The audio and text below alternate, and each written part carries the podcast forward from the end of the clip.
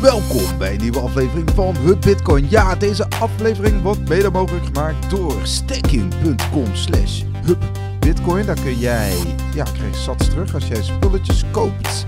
En knaken.nl, ja, ik zie het regelmatig uh, als je op de snelweg rijdt, zie je zo'n mooie advertentie van... Dat klopt, ja. Van uh, de, ja, een van de bekendere brokers van Nederland. Daar kun jij je bitcoin kopen of verkopen. Ja, als jij per se euro's wil, dan, uh, dan kan dat ook natuurlijk. Dus uh, ja, we gaan weer uh, lekker praten over Bitcoin de komende uur. laten we gelijk beginnen wat er in Amerika is gebeurd. Want daar heeft de Amerikaanse Senaat het over de infrastructure bill gehad. Ja, een hele scala. We hebben het er vorige keer al over gehad. Ruim, nou ja, een aantal duizenden pagina's met heel, heel, veel wetsvoorstellen. waaronder over Bitcoin. Ja. Maar goed, op het er bleek toch wat meer geld nodig voor defensie. Volgens een, een uh, 87-jarige senator, ik ben even zijn naam kwijt, Shelby, volgens mij.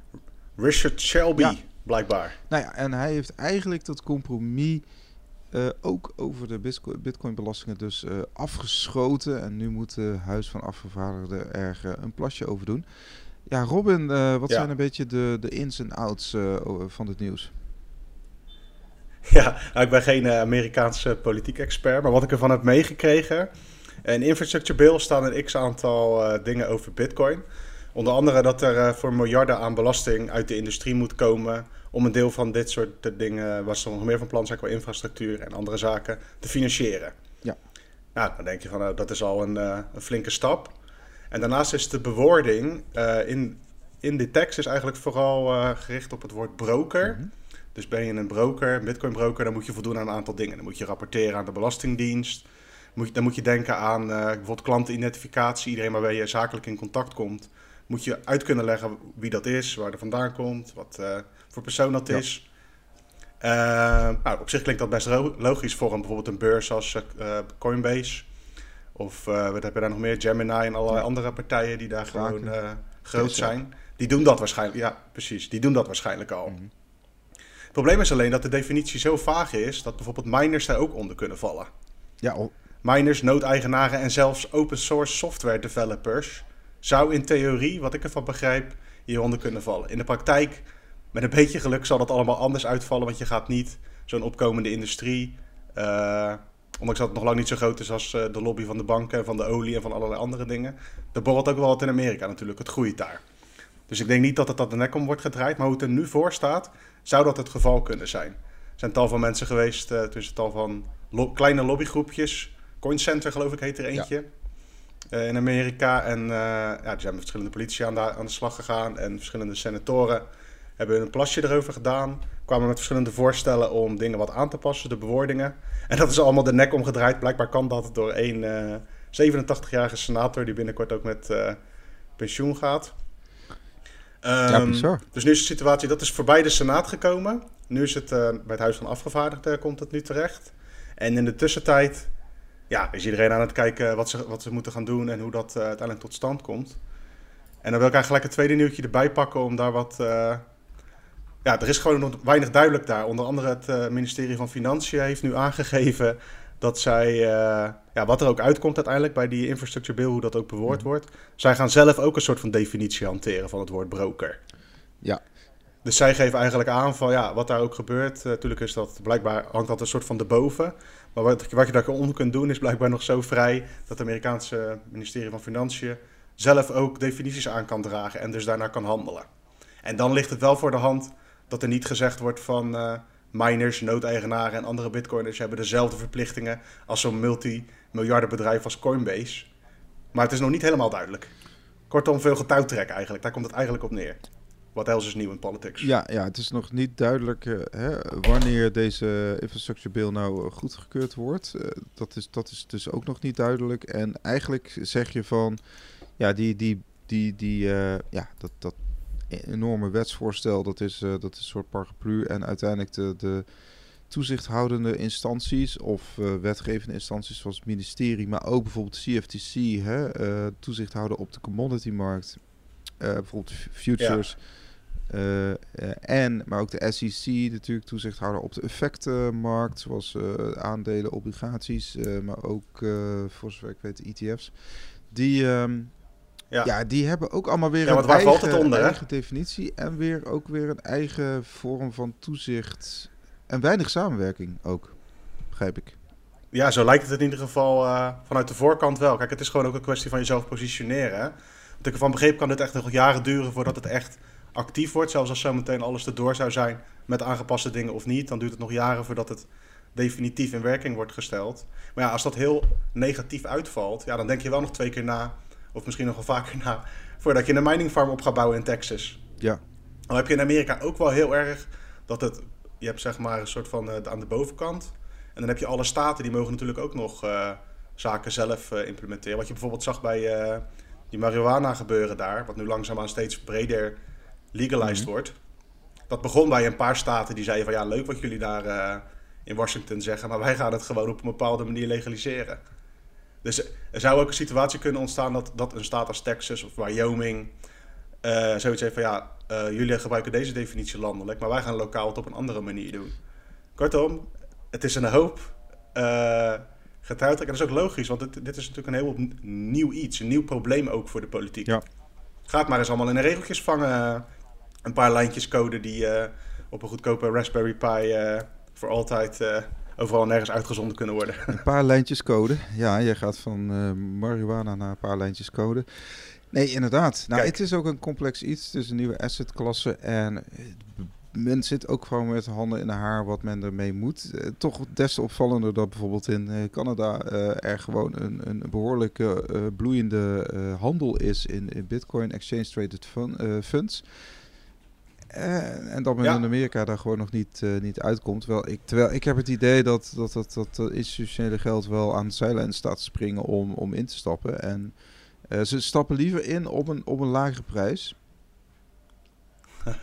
ja, maar de vraag is hoe lang dat, ja. als je dit laag kunt noemen, hoe lang dat hier blijft. Ja, dat is een beetje speculatie. Maar dit gaan we denk ik ook nog krijgen in Amerika, of in Europa bedoel mm. ik. Dat wordt helemaal gek huis, hè. Want je hebt we hebben, bij de EU heb je gewoon de top daar in Brussel. En uh, die gaan het zo meteen uh, uiteenzetten. En dan heeft Nederland kan misschien in de marge nog wel het een en ander uh, aanpassen. Ja. Maar eigenlijk ben je een beetje overgeleverd aan wat er in Brussel gebeurt. Is mijn beeld ervan hoor. Ik wederom ja, maar... ben geen politiek expert, maar dat idee heb ik. Ja, nou ja, het is, het is ook gewoon zo dat, dat dat we doen net alsof er geen regels zijn. Hè? Kijk, eh, eh, als jij Amerikaan bent, dan betaal je gewoon belasting over jouw uh, bitcoin, vermogensbelasting. Maar je betaalt bijvoorbeeld ook, als jij bijvoorbeeld je koffie afrekent met bitcoin, dan betaal je ook gewoon BTW oh, ja. erover. Dat is een belastbaar event daar, ja. hè? Voor mij is het nog meer, want je hebt ook papieren winst en zo wat belast kan worden, weet ik het allemaal. Ja, je hebt inderdaad vermogensrendementsheffing, dat soort gekke, gekke dingen. Dus, Alleen die woorden al. Nou ja, dat je in ieder geval de in zekere zin uh, profiteert de, de, de overheid dan ook van de stijgende bitcoin-koers, kun je zeggen. Hè? En, uh, ja, en van uh, bedrijvigheid, hè? want elk, als elk ding taxable event is, dan heb je liever dat er veel taxable events zijn, volgens mij. Zoveel mogelijk taxable events. taxable events natuurlijk. Eigenlijk, ja, alles is bijna te taxen. Te taxen. Zelfs overlijden, mag je de helft inleveren hier geloof ik in Nederland, of wat? ja. Het is allemaal belastbaar blijkbaar. Maar dat, dat is ook gelijk het ding, hè? Van je kan wel al die regels zo meteen uh, op papier zetten, maar gaat maar eens uitvoeren. Gaat maar eens in de praktijk zorgen dat het is. Zeker als er dus ook staten zijn die een beetje tegenwerken en zo. Dus dat wordt nog een heel gedoe. En uh, ja, in die fase zijn we nu wel echt beland. Hè? Dat, nou ja, dat, uh, dat op wereldpolitiek ja, nee. Bitcoin wel een onderwerp is. Zeker, zeker. En uh, dat, is, dat is juist bullish. Hè? dat, dat in ieder geval op dit niveau, in ieder geval hoe je het bent of verkeerd, je hebt ook binnen de Amerikaanse Senaat gewoon ook behoorlijke voorstanders van, uh, van in ieder geval bit, bitcoin-vriendelijk klimaat. En dat is, uh, dat is denk ik ook winst. Uh, je hebt ook staten, want jij noemt ja. de staten inderdaad, maar het staten zoals Texas en Wyoming en volgens mij... Miami. En Miami inderdaad, Florida. Ja, die zijn, die zijn in ieder geval al iets verder. Hè? Dus die, die zijn, uh, of het nou mining is. Ik zag vandaag ook gewoon een berichtje dat in Georgia komt ook weer uh, veel capaciteit, uh, wordt online gebracht, mining capaciteit. Daar kunnen miners gewoon ja. voor, voor, voor 4 dollar cent per kilowattuur kunnen ze minen. Ja, dat is uh, spotgoedkoop en daardoor heb je leuke winstmarges. En, en dat, dat trekt bedrijvigheid aan. Hè? En banen. En um, of dat nou... Ja. Of dat nou installateurs zijn, of onderhoudstechnici, of inderdaad programmeurs, of ja, mensen, calculators. Veel juristen, denk ik, tegenwoordig. ja, ja, dat ook. Sowieso. Ja, maar dat ligt dan ook weer aan die belasting eisen, denk ik. Administratieve ja, er zitten allerlei uh, toch haken en ogen aan. Ja. Maar jij zegt, uh, het is goed zeg maar dat dit nu uh, op dat niveau is. Dat is ook zo'n soort van erkenning. En tegelijkertijd, ja, Satoshi... het is wel duidelijk dat hij bitcoin op een gegeven moment in een bepaald frame heeft gestopt van... wij gaan de centrale banken aanvallen. Nou, en als er nou één soort van machtige groep aan instanties is, dan zijn het wel centrale banken... Dus mensen die denken dat het uh, na zo'n wetsvoorstel wel even voorbij is, als Bitcoin echt in hun ogen ook een gevaar vormt voor uh, centraal plannen van geld en centrale banken, dan is dit pas echt het begin, hè? Ja, kijk, ik... Het is niet uh, dat hij naar de vlag uit kan, zeg maar. Als hier het zogenaamd gunstig zou zijn, dat dan alles is opgelost en de strijd is gewonnen. Zo is het natuurlijk ook niet. Nee, maar je moet, je moet denk ik ook wel soms... Kijk, Satoshi had natuurlijk een behoorlijk een groot ideaal. En je moet ook grote idealen hebben om daar ja, zo'n piketpaal voor de toekomst. En nou ja, en, en, en, dit, en, en, het wordt nu wel serieus genomen. Bitcoin is gewoon een factor om rekening mee te houden. Uh, het werkt. Het werkt sowieso. en um, wat ik nou zeggen? Nou ja, in ieder geval dat het, dat, het, dat het op dit niveau wordt besproken. Kijk, we hebben, even, we hebben gewoon ook te dealen met dit systeem zoals het, uh, zoals het zich zoals het, het democratische stelsel zoals we het nu hebben ingericht. Hè, uh, ook al heb je een seniele president uh, aan het roer. En uh, heb je, het is een senator van 87. Ja. Dus je hebt eigenlijk gewoon echt, echt... ja, je hebt gewoon de, de, de hoe noemen we dat? De, de oude nou, de rollator, de rollator generatie houdt gewoon dit tegen. En... ja, die gaan ook niet weg, hè? Die blijven gewoon allemaal op dat stoeltje zitten, joh. Dus echt... Ja, op die rollator. Bizar. Ja. Kijk, dat heb je hier in Nederland ook, maar Rutte is in ieder geval niet uh, tegen de schijndood aan. nee, nee, nee, nee. Je moet wel meer neuken, denk ik. Ja, dat weten we trouwens niet. Ja, misschien wel. Ja. Maar dat, uh, wel meer dan... weet niet, ik doe niet aan uh, medisch advies. Die wel meer dan, dan ik. Ja, precies. Maar goed, dat terzijde. Er, er, gebeurt in ieder geval... Dat is een kleine sprong naar Jack Dorsey. die heeft wel een leuke vriendin, toch? Geen idee, moet ik eerlijk zeggen. Ik zie hem eigenlijk alleen in uh, Stark uh, van uh, Lightning Labs. Podcastjes. Ja, dat is een van de raar gerucht volgens mij, toch? Oh, oké. Nou, goed. Ja, maar die foto Jack Dorsey dus, de CEO... Wat zei je? niveau te snel te Ja, snel precies. Jack Dorsey, vooral bekend als directeur van Twitter en daarnaast van Square. Met Square heeft hij de Cash App waar hij goed geld verdient met bitcoin verkopen onder andere. En ja, eigenlijk voor het eerst in zijn, publieke, in zijn functie als directeur van Twitter gaf hij in een uh, aandeelhoudervergadering aan van, tijdens het kwartaalrapport, het tweede kwartaal van dit jaar. Van joh, wat denken jullie van, van Bitcoin? Bitcoin kan voor Twitter interessant zijn als betaaloptie. Mm. Noemde hij een aantal functies op van superfollows. Dus dan moet je denken aan, dat heb je bij heel veel websites, heel veel social media dingen, zoals YouTube dat je dat aan kunt zetten als creator. En dan kunnen mensen een bepaald maandelijks bedrag betalen. Dat is op Twitch en op YouTube. Waarmee je dan iemand ondersteunt, zeg maar. Daarnaast noemt hij abonnementen, uh, tips voor je. Dus als jij een tweet leuk vindt, kun je op een knopje drukken, stuur je wat geld. En zelfs het kopen en verkopen uh, van producten, dus de implementatie van webshops. En hij ziet daar een rol in voor Bitcoin en dan het Lightning Network. Mhm. Oftewel, echt publiekelijk gaat hij, heeft hij nu tegen de aandeelhouders gezegd van... Nou, dit is iets wat ik, wat ik goed zou vinden voor Twitter als we hier serieus werk van maken. En Dorsey is al ja, jarenlang uh, bezig over Bitcoin, ook publiekelijk, maar dat is meer onder persoonlijke titel. En nu was het dus echt vanuit zijn rol als Twitter-CEO. En hij gooit nog wat olie op het vuur door bijvoorbeeld random tweetjes. Iemand die begon over uh, dat Twitter NFT's moest integreren mhm. met een walletadres. En toen zei hij van ja, dat vind ik een beetje onzin. Uh, every account on Twitter being able to link to a Lightning wallet, however, punt, punt, punt, punt. Oftewel, hij begint langzaamaan een beetje hintjes te geven van... Uh, dat hij er in ieder geval van overtuigd is dat Twitter hier iets mee moet. Ja. En dat is best wel een big deal, want Twitter is gewoon een gigantisch social media platform natuurlijk. Ja, we, kijk, we leven in een tijd dat we Jack Dorsey natuurlijk serieuzer nemen dan een 87-jarige senator. Wat die man ook gepresteerd heeft, toch? Kijk, dat, dat is ook... Ja. Dus dat, we, we mogen deze woorden van Jack Dorsey... eh, mogen wel enige gewicht aan, eh, aanhangen, inderdaad. En eh, ja, hoe gaat dat eigenlijk in de praktijk dan? Ehm, nou goed, dat is de technologie wat je kunt ontwikkelen.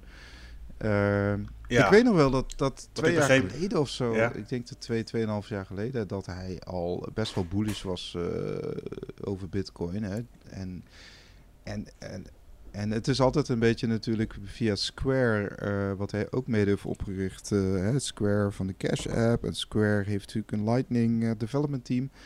Maar het is nooit echt direct gekoppeld aan Twitter. Twitter zelf heeft natuurlijk ook wel wat bitcoin op de balans. Maar nooit, eh, het is nooit echt onderdeel geweest van hun bedrijfsstrategie. En dat lijkt er nu dus wel op.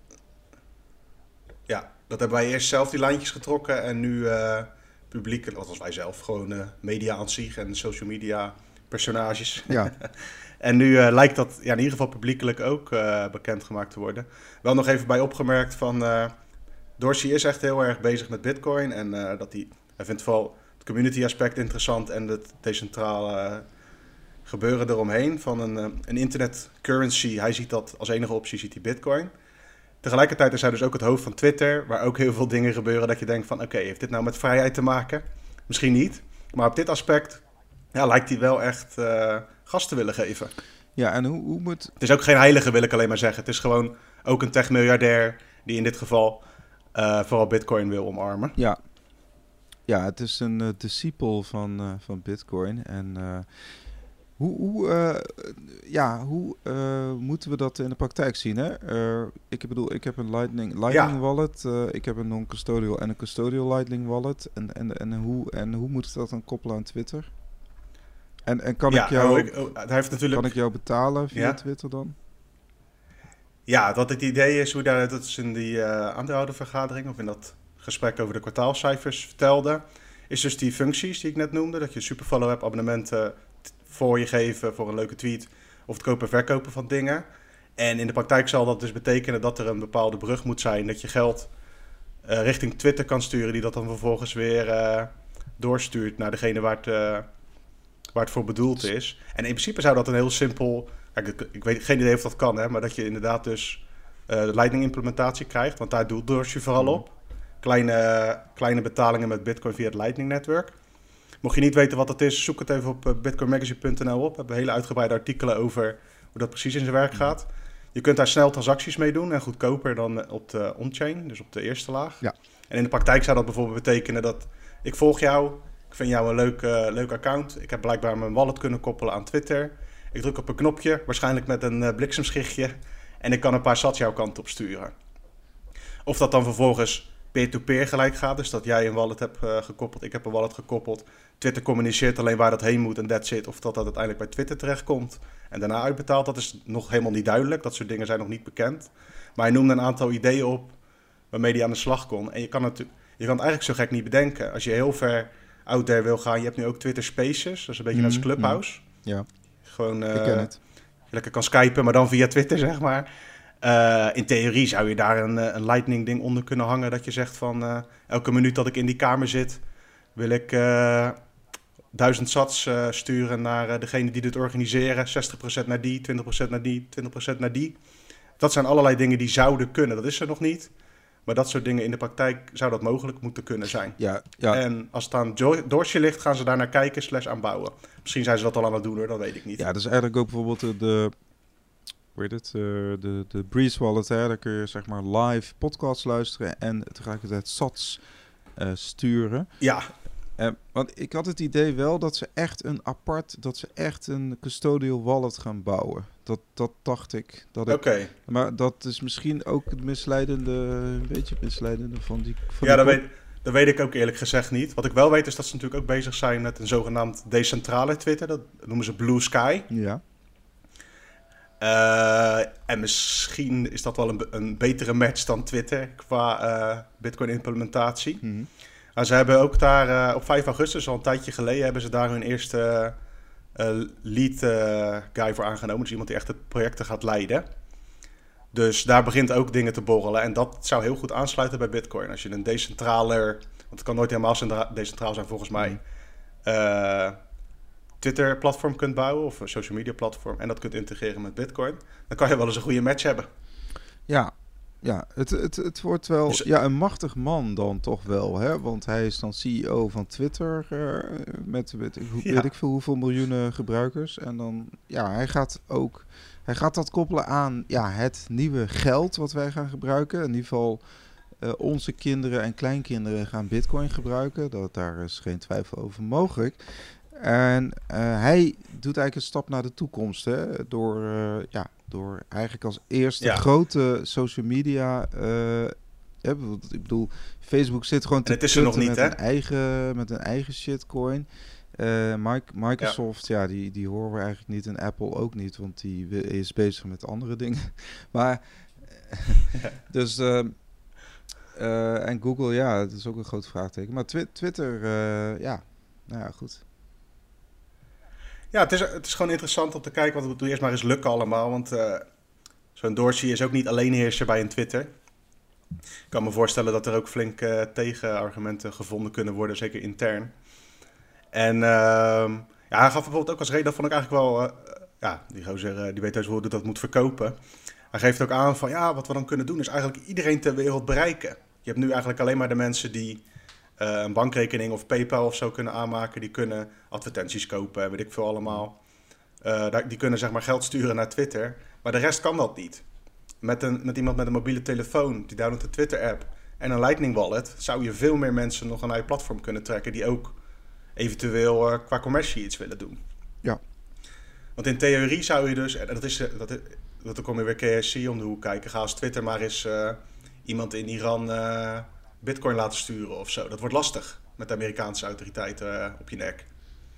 Ze zitten nog wel wat haken en ogen aan. Maar in de praktijk zou het betekenen dat je nog meer mensen kunt onboorden vanuit Twitter-perspectief die op termijn uh, willen betalen. Ja, het is ook wel interessant omdat uh, eigenlijk die Lightning-betalingen, die, daar hoef je geen KYC voor te doen. Dus eigenlijk is het ook gewoon een, nee, maar ja. middelvinger van Dorsey naar die nieuwe regels in Amerika.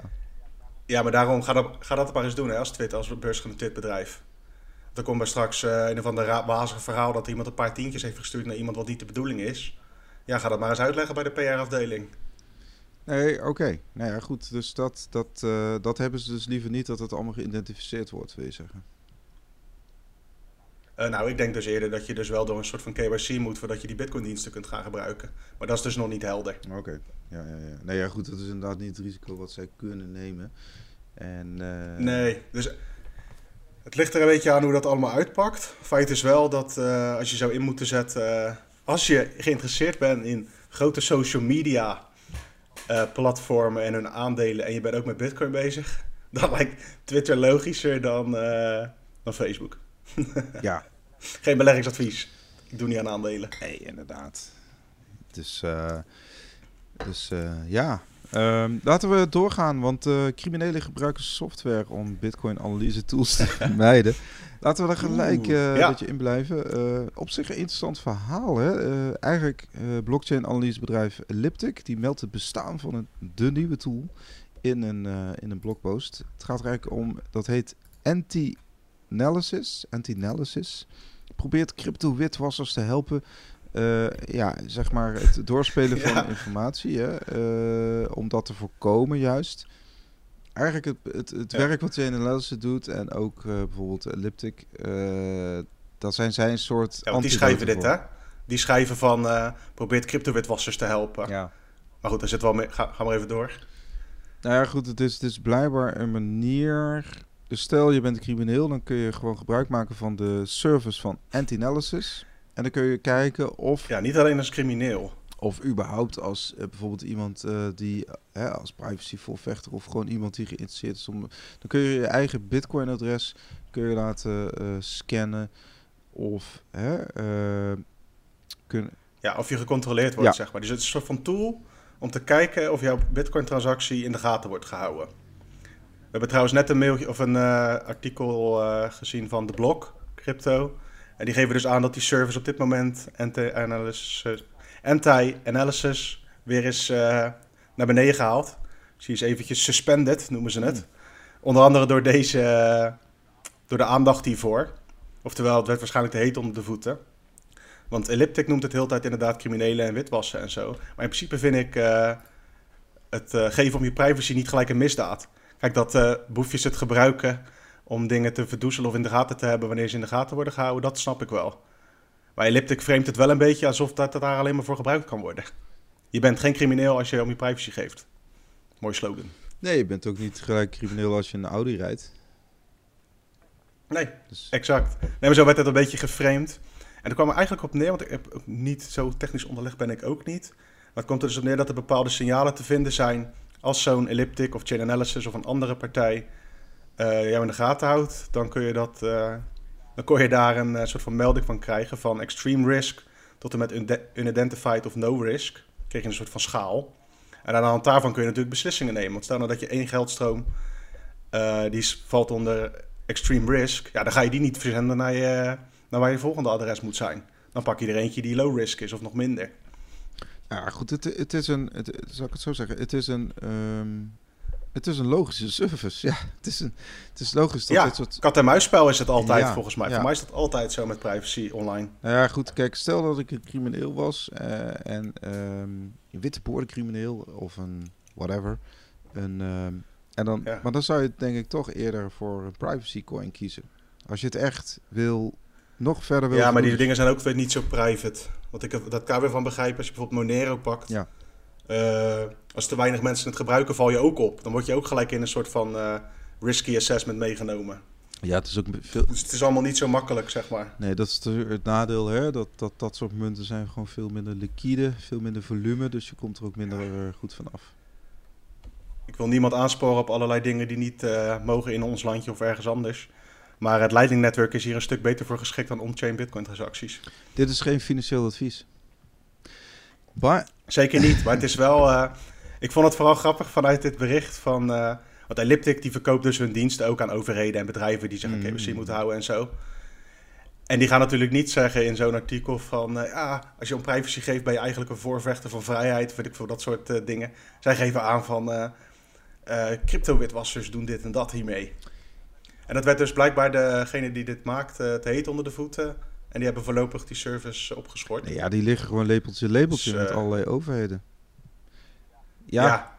Kijk, en deze dienst uh, van die gasten, ik heb geen idee hè, wat de achtergrond is. Maar ja, als je dit gewoon in elkaar draait, en je hebt uh, leuk. En het wordt ineens gebruikt door allerlei mensen waarvan je zegt van, oh, ik weet niet of ik daar wel dienst aan wil verlenen. En je krijgt te maken met de druk, wederom uit Amerika, toezichthouders kan ik me voorstellen dat je denkt van, nou, laat maar even, laat maar even gaan. Maar ja, als dit er nu is, dat betekent dat er toch nog veel meer zijn die niet bekend zijn. Dat heb ik dan altijd. Dat ik denk, kijk, wij kunnen hier nu over rapporteren omdat uh, Elliptic dit naar voren brengt. Maar die hebben echt niet al die software tools nu ontdekt of zo. Nee, ja, je hebt ook gewoon natuurlijk gewoon fysieke mensen die ertussen zitten. Of de zo, uh, zogenaamde money mules, uh, weet je wel. Dus, ja, je kan het zo gek niet bedenken. Er is van alles mogelijk. Nee, volgens mij, ja, maar dat is wel weer mij is nog altijd uh, cashgeld, gewoon een sporttas vol met cashgeld, is nog altijd uh, aantrekkelijker.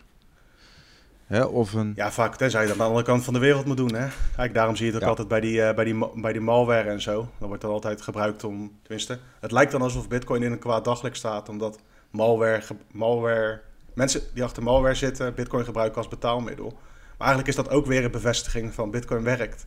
Bitcoin kun je gebruiken zeggen we wel vaker, of je nou een wasmachine bent, een koelkast, een uh, drugsdealer in een land waar dat niet helemaal de bedoeling is, of de bakker op de hoek. Als jij toegang hebt tot je private keys en daarmee een uh, transactie kunt doen, dan maakt Bitcoin dat niet uit. Dus eigenlijk laat het juist zien dat het werkt, stiekem. Ja, het is, het is technologie die je gewoon gebruikt. Hè? Uh, ik bedoel, het is gewoon een. Ja, ik bedoel. Als ik in, de, in mijn auto zit, is het ook een verbrandingsmotor of een accu natuurlijk. Uh, ja, het is gewoon technologie die je gebruikt. Uh, in dit geval voor yep. geld. Geld, spaargeld of inderdaad uh, transacties. Dus ja. over transacties gesproken, of ja, we blijven een beetje in de, in de crime, crime zitten, misdaad. Binance mm -hmm. moet een slachtoffer van een hack helpen hun geld te achterhalen. De crypto oh, ja. gaat Fetch AI, dat is volgens mij zo'n ICO, helpen met het vinden van zo'n 2,6 miljoen dollar. ja, een beetje een wazig verhaal. Ja. kreeg de, in de rechtbank in Londen kreeg Binance te horen dat ze moeten gaan helpen. Fetch heeft aangegeven dat er in juni mensen toegang hebben gekregen tot hun assets op een account van Binance. Mm. Raar dat dat daar staat überhaupt, maar goed, dat is een andere discussie. De assets werden verkocht voor een fractie van de dagprijs. En Binance moet nu uh, van de rechter gaan helpen uh, om te kijken of dat geld nog enigszins ergens op het platform te vinden is in bepaalde flardes. En zoveel mogelijk ja, hulp bieden. Beetje een rare uitspraak.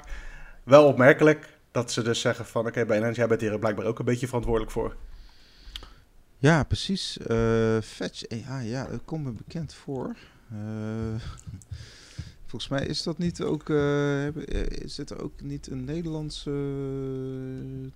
Geen idee. Nee, nee, nee, dat is. Ik ben in de war met, uh, met iets anders. Uh, anyways, nou, 2,6 miljoen dollar, dat is behoorlijk wat geld natuurlijk. Um, ja, we krijgen ook nog regelmatig wel reacties van lezers die zeggen van... hey, wanneer is Binance weer online in Nederland? Voor ja, nou, Binance is nog online. Alleen je kunt er geen ideal uh, betalingen doen en geen uh, ba normale banktransacties via IBAN uh, naartoe sturen. En dat heeft alles te maken met wederom de druk vanuit de politici en hoe noem je dat? toezichthouders die toch de duimschroeven aan het aandraaien zijn wereldwijd. Want je hebt steeds een groter wetboek om mee te slaan, grotere stok. Ja. En dat heeft gevolgen als je niet de juiste papiertjes hebt, niet aan de regeltjes houdt in een land, dan eh, is het een kwestie van tijd. Zeker als het gewoon zo'n site is als Binance.com. Het is niet een of andere verstopte, rare dienst of zo. Het is gewoon wereldwijd overal te bereiken. Dan uh, krijg je te maken met partijen die tegen gaan werken. Ja.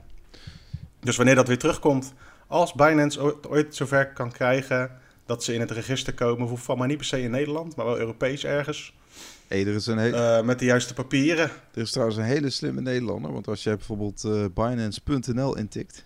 dan krijg je gewoon een... Uh, mm dan word je geredirect naar Binance.com met een reflink. Geniaal. Ja. Dat vind ik leuk. nee, ja, ik tikte gewoon Binance.nl in. Maar dat, ik ja. werd geredirect. en... nee, ah. anyways. Je moet nog even genieten, genieten van zijn refinkomsten. Want met een beetje pech wordt het Nederlandse publiek wel steeds minder daar. Want je kunt daar nog wel met gemak volgens mij bitcoin naartoe sturen en zo. Maar het is vaak ook een plek waar mensen beginnen met die, met die aankopen. Volgens mij creditcard kan dan nog wel, denk ik. Ja, goed dat Oké, okay, dat weet ik eigenlijk niet zeker. Hmm, het, het is in ieder geval, Binance bestaat nog gewoon. Je kunt als klant ook nog gewoon, of een Nederlandse klant ook nog gewoon gebruiken. Je hebt alleen een x-aantal dingen en je kunt wel erop rekenen dat het steeds strenger wordt hoeveel geld je op kunt halen. Dat is laatst weer aangepast in één, uh, hoeveel je geld je in één keer op kan nemen en wanneer je jezelf moet identificeren. Dat, die regels worden steeds strenger. Dus hou daar rekening mee. Ja, het is komen... Wat mij betreft uh, sla je het zelf op uh, je bitcoin, maar als je dat niet doet en je laat het bij beurzen staan, hou er rekening mee dat de regeltjes, de spelregels aangepast kunnen worden. Nou, en kijk ook altijd naar je opnamelimieten. Hè? Kijk, stel dat die, stel dat ja. die prijs ineens heel gek gaat doen, zeg maar boven de 100.000, wat plan B denkt, dan ja, dan kijk even bijvoorbeeld, stel je hebt een substantieel bedrag bij een broker of een beurs staan. Kijk ook echt goed naar je opnamelimieten. Hè, want stel je wil tussentijds uitcashen. Ik kan me voorstellen hè, dat mensen met een price tag van 100.000 denken van nou... ja, ik wil toch die, die, die, nieuwe BMW, die, hè? koelkast. Hè? Of ja. airfryer. Nee, maar dan... Um, doosje chocola voor de vrouw. ja, dus uh, nee, dan, dan, uh, ja, dan uh, moet je daarop in ieder geval op letten. En neem gewoon altijd contact op met je, met, je, met je broker of beurs om dat eventueel aan te passen. Dat kan ook nog. Ja, want ik las een reactie, voor mij was het in onze Facebookgroep. iemand die zei van, ja, Binance kan toch nooit offline gaan? Maar dan heb je niet goed opgelet of niet een beetje rondgekeken. Want niet alleen in de bitcoin crypto-industrie is dat al veelvuldig gebeurd dat beurzen uiteindelijk omvallen. Ook de grootste. Mt. Gox is natuurlijk een soort van het eerste groot, echt grote, grote voorbeeld daarvan. Zijn daarvoor ook al geweest. Maar je kan ook bijvoorbeeld kijken naar de pokerindustrie. Als je daar een beetje naar googelt, kom je ook tegen dat uh, soort van, van de een op de andere dag heel veel pokerplatformen offline werden gehaald. En dat was van tevoren niet aangekondigd. Nee. Dat wil niet zeggen dat dat bij Binance kan gebeuren of dat dat gebeurt hoor. Het is meer, dat is een risico die je neemt eh, bij dat soort platformen. Nou, kijk, eh, Dat geldt bijna voor alles hoor. Dat geldt ook voor gereguleerde zaken in Nederland. Het kan zijn dat mensen op een bepaald moment eh, omvallen, failliet gaan. Of door schade en fraude eh, in de problemen komen. ja, ik wil op zich wel een weddenschap gaan, maar misschien wel met me eens. Maar eh, denk je dat Binance weggaat of niet? Eh, hoeveel jaar? Mm, En wat is weg? nou, ik denk dat het dus sowieso wel blijft bestaan. Dus. Ja, dat wilde ik dus ook zeggen. In bepaalde vormen blijft dat gewoon, denk ik wel. eh, maar dat wil niet zeggen dat je als Nederlander er makkelijk nog van alle diensten gebruik kan maken. Als er steeds grotere push is naar gewoon alleen maar gereguleerde bedrijven ondersteunen. Want bij dat Ideal en die eh, IBAN, dat is zijn dus. Want wat ik begreep is Ideal toch. eh, die dienst wordt geleverd door een bepaalde stichting. Ja, toch? Nederlandse betaalvereniging. Ja, die schijnt dan. eh, die moet dan de stekker eruit hebben getrokken. Ik denk niet dat Binance heeft gezegd: van, ah, doe maar even niet. Nee, dat is externe druk geweest. Want Binance die, die, die perst gewoon de citroen uit. Ik bedoel, zo, net Ja, zolang precies. ze... Nee, dus ik denk niet dat Binance eh, weggaat.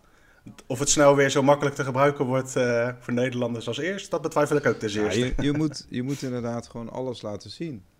Hè? En, dan, en dan mag je er gebruik van maken. Ja. Net zoals bij die andere aanbieders. Dus, eh, hè, want bij sommigen Ja. moet je nog steeds je bitcoin adres, adres identificeren bijvoorbeeld. Ik bedoel, bij Beton hoeft dat niet meer. En ik Ja. weet van een andere broker dat het, dat het ook wel makkelijker is geworden. Maar er zijn er nog genoeg bij wie dat wel moet. Ja, daarom. Nou, maar kijk daar gewoon goed naar. Kijk naar wat je, wat je zelf fijn vindt, hoeveel je op wil geven en zoek daar de juiste diensten bij. Je hebt bijvoorbeeld ook partijen in Zwitserland waar je tot nu toe alleen maar eh, met je bankrekening gewoon aan de slag kunt. Of dat ook voor altijd blijft, eh, is ook nog maar te betwijfelen. Ja, waarom denk ik dat eh Dus, eh, Binance blijft inderdaad, is dat bijvoorbeeld Bitmax heeft ook die 100 miljoen betaald. Hè? Ze, die hebben geschikt Ja. met, ehm, met de CFTC en de Financial Crimes Enforcement Network. Ja, 100 Klopt. miljoen. Het is een partij met heel veel bitcoin op de balans, dus die 100 miljoen hadden ze echt nog wel gewoon liggen. En z- je, Ja, dat is wel ook een opmerkelijk verhaal. ja, maar Dat is Ja. echt de old school degenerate bitcoin derivatenbeurs. Ja. Nee, maar je ziet het, het, het- het is te koop, weet je wel. Alles is te koop. En eh, ja, Bitmax, eh, ook met de nieuwe CEO, volgens mij had ze ook toch een sponsordeal. Oh ja, met AC Milan.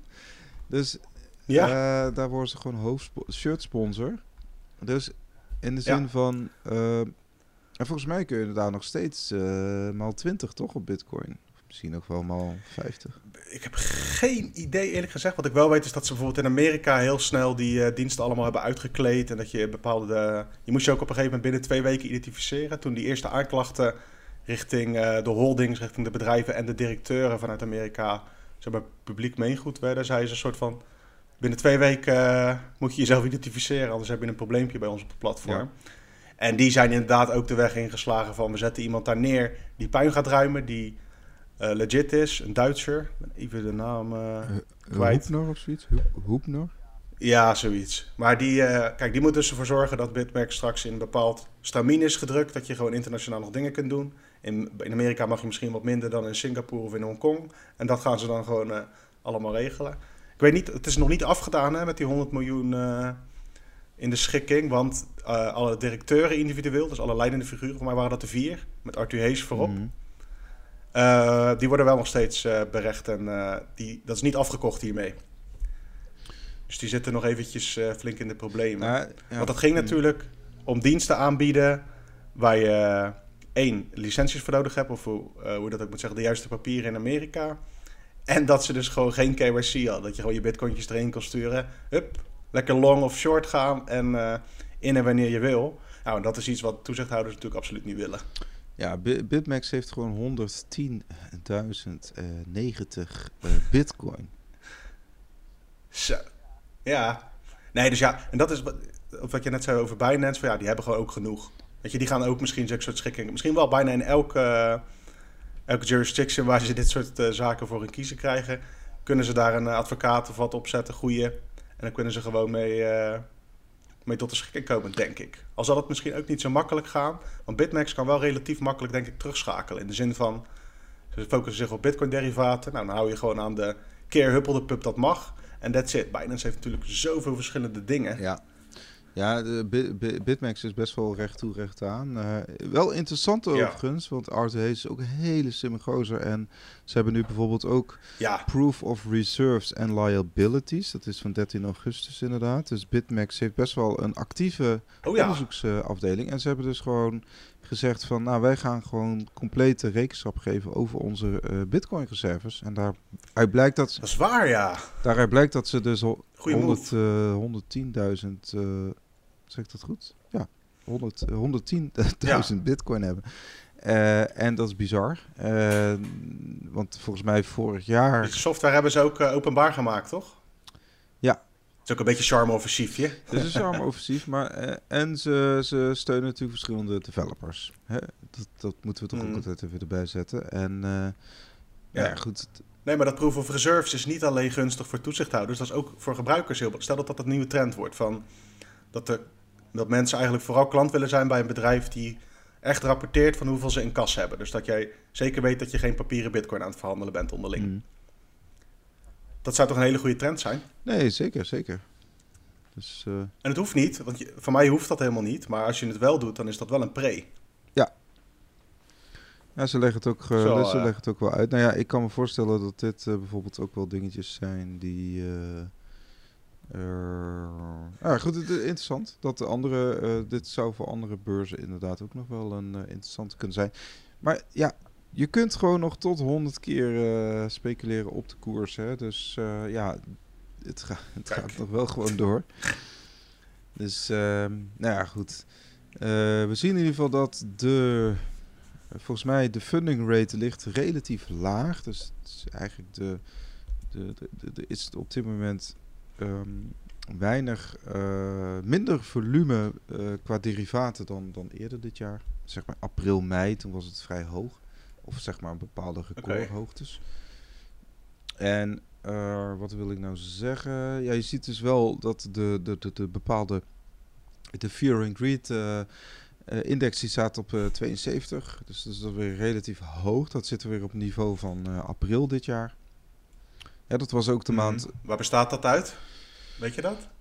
Die index? Ja, dat moet in ieder geval, eh, dat bestaat uit eh, in ieder geval Google, Google Trends eh, en een aantal, ehm, zeg maar ook een aantal, bijvoorbeeld Twitter, eh, Twitter sentiment wordt meegenomen.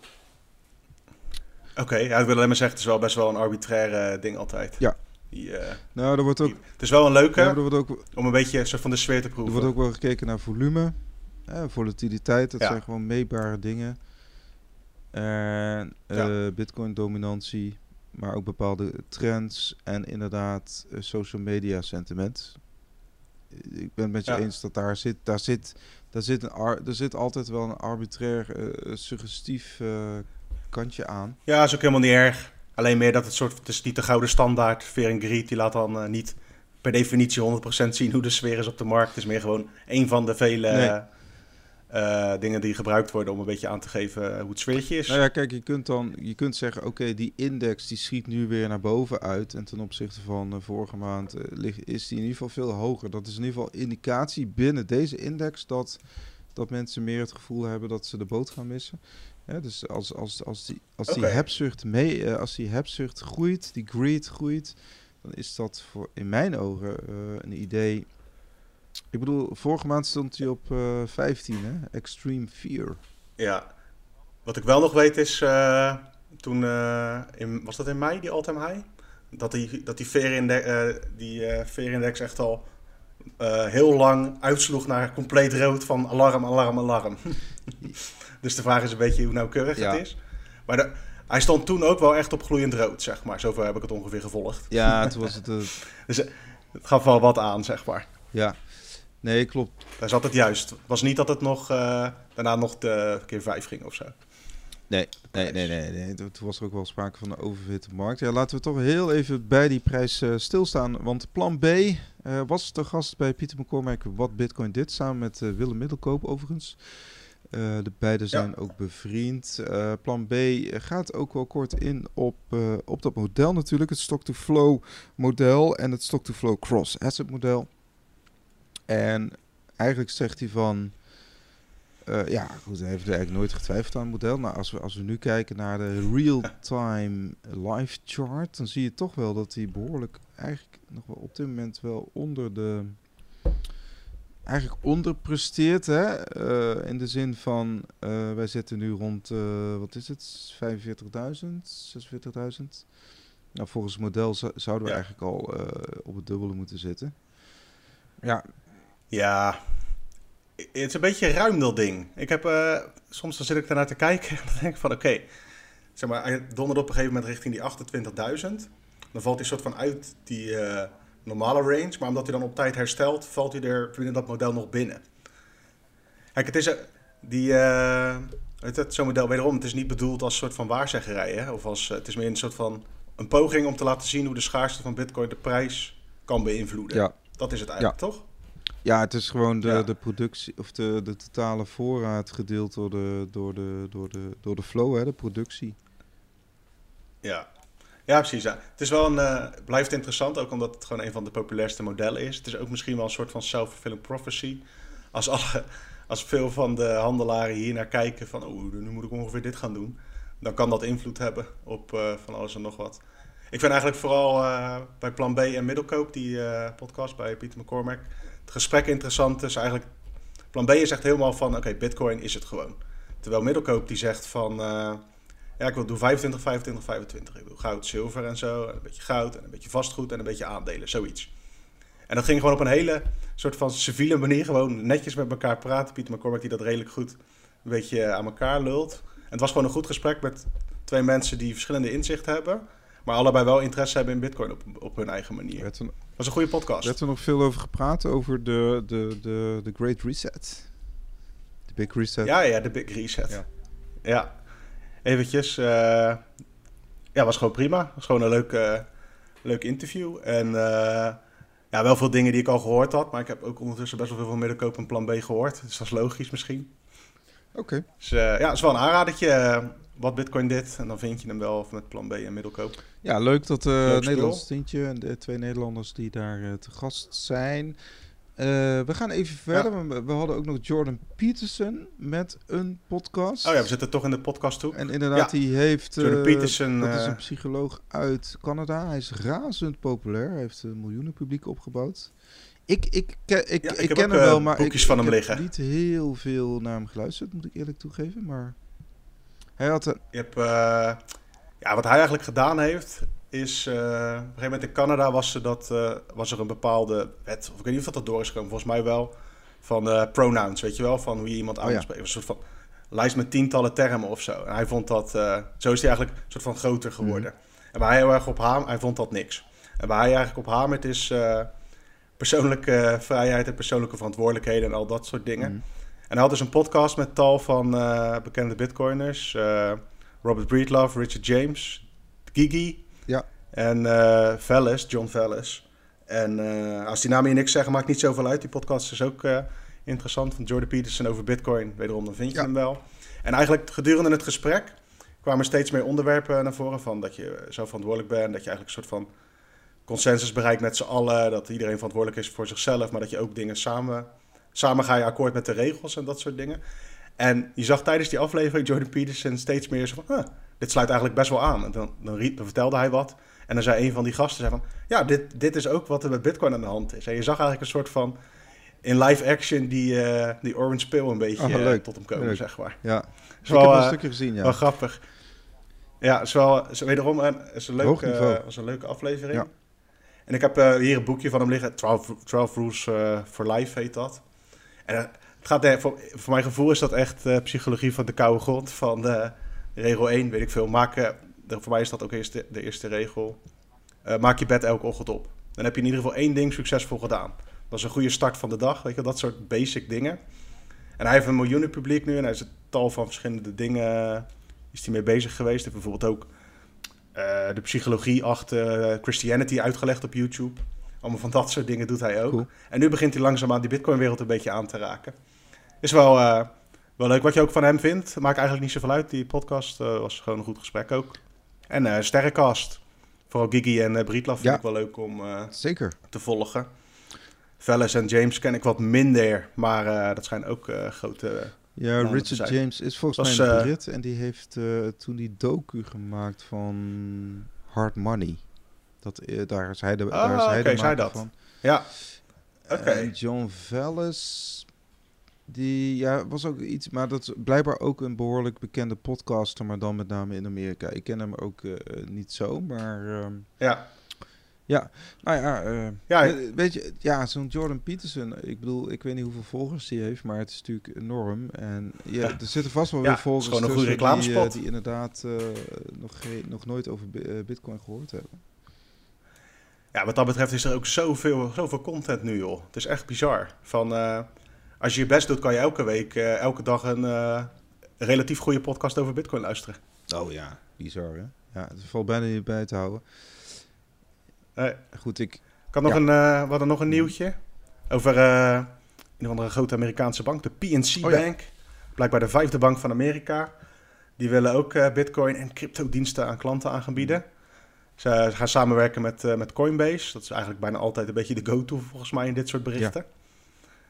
En eh, ja, ze zijn genoteerd aan een Nasdaq, zie ik. Oh nee, dat is Coinbase. En zij gaan nu dus eh, ja, ook een dienst aanbieden. Een beetje net als met Goldman Sachs en met eh, JP Morgan. Die gaan gewoon verschillende Bitcoin-diensten aanbieden aan hun klanten. En dit is de volgende die daar in ieder geval een poging toe gaat doen. Ja. En het hoeft in het begin natuurlijk ook relatief weinig te kosten. Want je kan gewoon een kleine divisie opzetten. Misschien is het moeilijk om te vinden om iemand, eh, om iemand eh, te vinden die ook echt daadwerkelijk veel verstand heeft van die dingen. Die ook bij zo'n bank wil werken. Maar misschien zijn de salarissen daar wel naar. mm, Eh, ja, het is gewoon weer een opstapje. En als het niet veel gebruikt wordt, dan zullen ze het misschien daar wel bij laten en langzaamaan weer uit laten eh, gaan. Maar als er wel interesse is, stiekem denk ik dat wel, dan is dit gewoon weer een partij die op een bepaalde manier met Bitcoin aan de slag gaat. Ja, ja, we hebben het al vaker gezegd. Je ziet eh, met name bij de, bij, eh, in Amerika dat, dat dit soort eh, adoptie lijkt toch sneller te gaan dan, dan bijvoorbeeld in Nederland. Hè? Hè? Want we hebben, Ja, voor je gevoel wel, ja. Maar je hebt daar ook veel meer partijen. Kijk, je hebt daar misschien wel... je hebt daar honderden banken op allerlei verschillende manieren en verschillende niveaus. Dat is hier ja, niet. ja dit, dit is echt een consumentenbank. Hè? Niet, te ver- niet te verwarren met bijvoorbeeld investeringsbanken zoals Goldman Sachs. Dit is, Nee, ja, precies. dit, dit is een, een consument, consumentenbank eh, inderdaad. Dus, ja, met een betaal- en een spaarrekening, en creditcards en... Ja, Deze gaan niet in landen investeren of in, eh, in hele industrieën, voor zover ik eh, kan inschatten. Het is een ander type bank. Ja, hoe ze het, eh, wat, ze, ja, wat ze hebben aangegeven is... eh, de cryptomarkt gaan ze begeven. En dan moet je denken aan eh, een productmanager bijvoorbeeld. Ja. Dus dat gaat waarschijnlijk zijn van... ik stop er eh, een x minimaal bedrag in. Zeg 1000 dollar, ik weet dat niet, maar zeg dat. En dan eh, gaan zij dat waarschijnlijk voor je manager, dat soort eh, gekkigheid. ja, wat, Eh, wat- niet een dienst die ik snel ga gebruiken. Ook niet als dat hier in Nederland komt. Maar het is wel, het is gewoon gebruiksgemak. Het is gewoon een dienst. Zij zien natuurlijk ook die al die dollars richting Coinbase of andere partijen stromen. En iedereen wil daar gewoon een gaantje van meepikken. ja, het werd ook al eerder aangekondigd door NIDIC, hè, dat, er- dat er toch wel honderden banken aan de zijlijn staan. Ja, wat, Ja. Wat, wat is het effect daarvan? Het effect is dat er gewoon meer vraag komt naar beschikbare bitcoin. Er komt elke dag 900 bitcoin bij. En ja, we zien gewoon En that's it. Ja, en that's it. Dus eh, hoe meer partijen die Bitcoin willen, en op het moment dat, er, dat je een steeds grotere groep hebt die, die, die het vasthoudt, ja, dan krijg je die supply shock, zoals het heet. Dus dan, dan het, het, het, eh, zeg maar, dat aandeel wat liquide is, dat wordt kleiner. En ja, goed, en dan... Ja, en dan Z- Zeker in verhouding met de vraag. ja, precies. Nou ja, die vraag, dat is altijd maar de, de, vraag of dat, eh, of dat iets... eh, weet Ja, je wel, dat, dat is is lastig. waar, eh. Of dat ineens het aanbod weer vergroot. Omdat, maar goed, wat wel, vind ik wel leuk is dat doordat Coinbase natuurlijk naar de beurs is gegaan... kunnen wij als media, kunnen we natuurlijk elke keer dat kwartaalrapport, die kwartaalrapportage uitpluizen. Want daar staan wel leuke dingen. Hè. Ze hebben Elon Musk, maar ook PNC dus, maar Tesla en ook SpaceX en een aantal eh, investeerders zoals Wisdom Tree en Third Point. Daar hebben ze brokerage services voor, eh, voor verleend. Hè, de- met andere woorden, daar hebben Ja. ze dus Bitcoin voor aangekocht. En Ja, die hebben trouwens nog een, eh, nieuwe klant binnengehengeld. Een overheidsinstantie ook van de VS. Pak even heel snel erbij. Hmm. gaat om de instantie die verantwoordelijk is voor immigratie en douane. Die wil gebruik maken van de forensische blockchain software, heet dat dan met de mooie termen, van Coinbase. Oftewel surveillance software van Coinbase willen ze gaan implementeren. De US Immigration and Custom Enforcement. Dus uh, naast uh, alle diensten die, waar veruit het meeste omzet van uitkomt, is gewoon de koop en verkoop, de handel in bitcoin en andere cryptocurrencies. Maar daarnaast zijn ze ook bezig met een hele tak aan software dingen te bouwen, waar andere overheden gebruik van maken. Ja, dat is gewoon surveillance software. Ze hebben toen een paar jaar geleden die, volgens mij uit Israël, hebben ze die start-up gekocht. echt zo'n surveillance. oh ja. Ja, ja, ja, en dat was best wel, dat was best wel een, een beruchte overname. En, uh, ja. Maar goed, dat, uh, ja, die, die, die software gaan ze natuurlijk gewoon uh, gebruiken. Hè. wat dat betreft is het een. Is Coinbase ook een veelkoppig monster? Hè? Want aan de ene kant zorgen ze ook wel voor dat die, ja, die grote bedrijven in Amerika dat ze die onboarden. En aan de andere kant helpen ze de Amerikaanse overheid ook om ja, op, ja, om dus, te dus wil jij een dienst? Ja. Wil jij een dienst in de crypto-industrie die uh, dan koppel je bij Coinbase aan. Dat is wat ze willen. Maakt niet uit wat het is. Nee, oké. Okay, oké. Maar kijk, zij zijn er ook bij gebaat dat die KYC... Dus eigenlijk kun je zeggen, zij zijn er ook bij gebaat dat die KYC er doorheen kwam. Hè? Omdat dat juist dan voor zo'n ja. software tool van hun gewoon heel, heel handig is. Dan kunnen ze dat gewoon verkopen. Net zoals Pieter Thiel met zijn Palantir dat doet. Uh, ja, dat is gewoon een miljardenbusiness. Dus zeg maar... Ja. Maar goed, dat hoef ik jou niet te vertellen. Ja, zij zijn ook niet gebaat bij uh, een open speelveld nu in Amerika. Zij zijn de topdog. Laat die regeltjes maar lekker komen. Als zij er maar aan kunnen voldoen, dan vinden zij dat prima. Je hoeft hier niet van te verwachten dat ze net als Bitonic in Nederland uh, naar de rechter gaan om te strijden. Of uh, om iets aan te vechten wat vervelend is voor hun klanten. Daar geloof ik nee. niks van. Kijk, natuurlijk willen, ze dat, willen ze zo min mogelijk frictie. Maar dat is gewoon geen optie. Dus dit is een partij die gewoon meespeelt. Ja, ja, ze spelen mee. Ze spelen in de spits volgens mij inmiddels. Uh, Coinbase. Uh, want ja. ze pakten ook best wel wat volume toen Binance uh, er afgelopen week uit, uit hing. Ja, we gaan gewoon door met meer Amerikaans nieuws. ja, veel niet-Chinese miners, met name dus uit Noord-Amerika, die hebben best wel goede zaken gedraaid. In juli hebben zij 1802 bitcoin gemined. En uh, daarmee hadden ze toch gemiddeld uh, 59% meer, ja, meer omzet aan, aan bitcoin. Ja, dus en dat, kwam vooral... in dollartermen, maar in bitcoin-termen. Oh, in bitcoin-termen ook echt. En dat kwam eigenlijk vooral omdat er in China dus geen concurrentie meer was. Is niet dat de hardware al helemaal verschuiven, verplaatst is, toch? Nee, wat ik zo, wat, wat zeg maar die diverse miners hebben laten weten, waaronder Marathon Digital en Riot Blockchain, die hebben gezegd van... Uh, ja, we hebben eigenlijk amper uitgebreid met onze capaciteit. Maar desondanks hebben we veel, veel hogere omzet gedraaid. Dus ja. Nou ja, interessant. Ja, het is eigenlijk een beetje die, wat je verwacht. Hè? Van China geeft het op of verbiedt het en jaagt iedereen weg. En andere landen nemen het, nemen het over. En Amerika was al stiekem best wel aan het groeien daarin. En dat zal nu alleen maar versnellen. Ja, je ziet ook dat, die, uh, dat die aandelen, die aandelen van uh, die, die uh, miners die gewoon verhandelbaar zijn, die presteren in dollartermen ook beter dan bitcoin. Al best wel lang. Dus er is gewoon een interesse in het investeren van, in bitcoin mining. Ja, wat ook wel opvalt van die chain updates die ik dan bijna elke dag doe, is dat de miners amper um, uitcashen. Dus zeg maar, ja. Ze, ze draaien gewoon winst. Hè. Tegen een spotprijs van uh, eh, 45.000 dollar draaien ze winst. Behoorlijke winst, maar ze kiezen er niet voor om massaal te gaan verkopen. Dus dat, dat is ook een interessante. Ja, er zijn interessante trends in mining, miningland. En daar zal nog wel genoeg gebeuren. Want het is natuurlijk wachten gewoon ook op van die kleinere landjes die daar weer op in gaan zetten, denk ik. Kijk, Amerika is logisch dat die overal, zeg maar gemiddeld wereldwijd nu de overhand gaan nemen. Maar ik kan me ook voorstellen dat uh, een Kazachstan of, een, uh, of andere landen waar energie uh, goedkoop te vinden is, dat die daar ook op in gaan zetten. Ja. Maar ja, kijk, kijk, dit soort miners die gaan misschien toch wel weer. Want de Bitcoin difficulty is omhoog gegaan met ruim 7%, meen ik. En dan misschien dat toch wat Chinese ondernemingen inmiddels toch ook wel weer binnenkort online zijn. En dan, ja, dan gaan dit soort namen gaan het toch weer wat lastiger krijgen. Ja, dat zal dan niet binnen, binnen de Chinese landsgrenzen zijn, maar ergens verderop.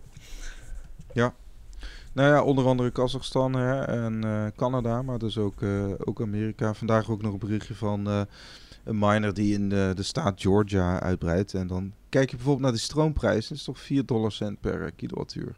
Dus Ja. dat zijn, dat zijn leuke, leuke tarieven om tegen te minen. Ja, ja en je ziet ook gewoon ja, dat er dus in Amerika verschillende staten zijn die daar allemaal op inzetten, op verschillende manieren. En je hebt ook van, je hebt dat soort dingen van partijen die nu dan eh, bijvoorbeeld met eh, gas dat overblijft bij het verwerken van eh, allerlei andere gas- en eh olie dingen. Maar je ziet ook de wildste geruchten, ook bijvoorbeeld in Oekraïne schijnen ze ermee bezig te zijn om met kernenergie gewoon te gaan minen Ja, alles wat er overblijft, dat ze daar gewoon hardware mee gaan van energie voorzien. En dat soort dingen, dat Nee. is nu allemaal nog een soort van theorie en kleinschalig. Maar er komt misschien een moment dat dat serieus een, eh, een model is om aan te werken.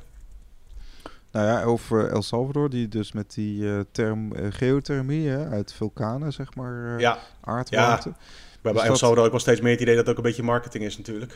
Het is wel... Maar ja, ze het- moeten dus komende, binnen een paar, paar weken moet die bill ook rond zijn. ja, ja, misschien dat je dan ook pas dingen gaat zien. uitrollen. Ja. Ja. Dus eh, genoeg concurrentie. Het is helemaal niet, niet meer zo dat eh, China het Walhalla is van miners. Het nieuwe Walhalla is nog niet helemaal duidelijk.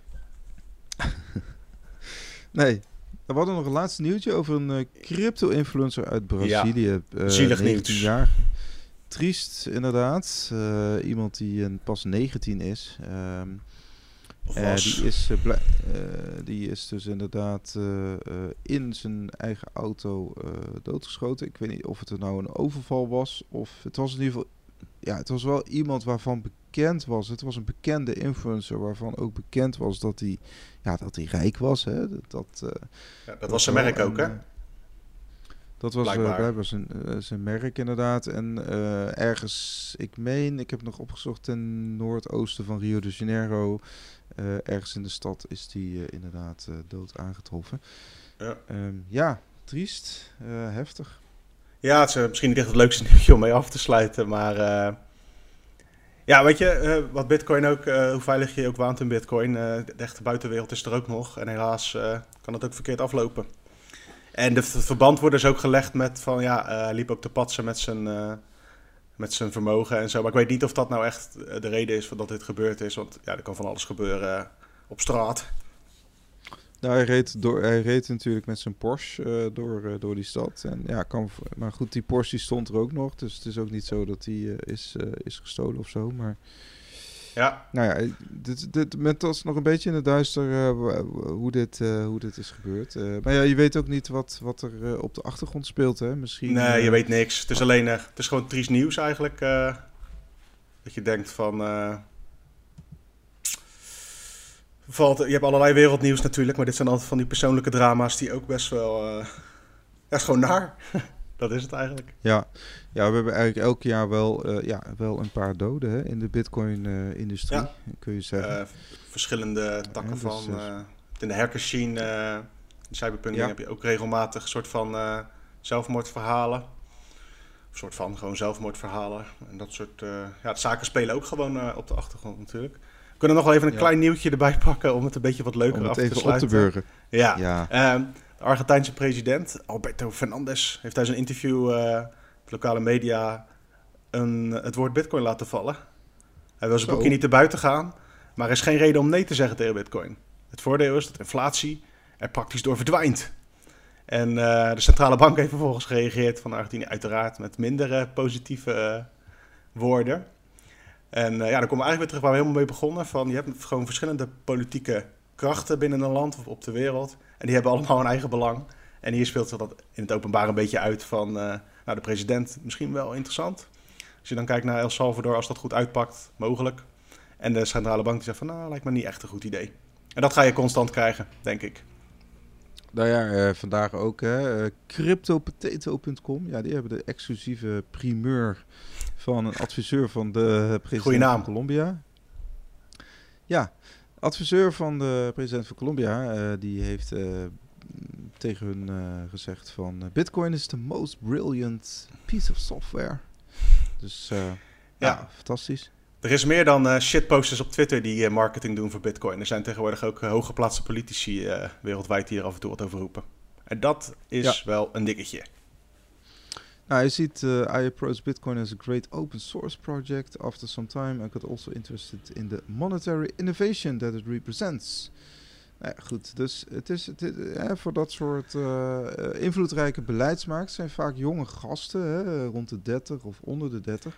Het is een perfect merk om je aan te koppelen. Het is perfect. Het kan een goed merk zijn om je aan te koppelen. Of je het nou echt mee eens bent met Bitcoin, hoe dat gaat of niet. Het is een het is, kan onderdeel zijn van een politieke campagne, laat ik het zo zeggen. Ja, ja daar, daar, dat klopt. Uh, Bitcoin kan zich niet uh, onttrekken aan, aan politiek. Dat, dat is dan zo. En, of andersom. Ja, daarmee... Misschien is het andersom. Ja, ja, misschien is het andersom. Daar begonnen we, de, daar begonnen we deze podcast mee. Ja. Uh, nou, uh, ga voor het naast nieuws naar bitcoinmagazine.nl. En uh, volg ons op Twitter, LinkedIn, Facebook natuurlijk. Uh, Facebook, YouTube. Volgens mij hadden YouTube hadden we iets van 10.000. Ben ik ja, nou? we zitten boven de 10.000 uh, subscribers ja. daar. Zowel leuk, leuk. Uh, leuk mijlpaaltje. En ja, vergeet ook vooral niet op de... als je een Android hebt of een Apple telefoon of een iPad of een ander tablet... om de Bitcoin Nieuws app op te zoeken in de store. Gratis even niets te downloaden. Dan volg je nog makkelijker het laatste Bitcoin nieuws. Ja, Bitcoin Nieuws heet dat. Dus yes. Oké, cool. Dan, um, dan we af. tot de volgende week. Yo. Oh, jij bent trouwens uh, een paar weken op vakantie. Maar ik ben op vakantie. Dan, uh, maar met een beetje geluk ja. uh, is er wel gewoon een uitzending. Ja, of niet? Daar gaan we ons best voor doen. Oké. Okay. Yes. Bye Later. Bye. Hoi hoi.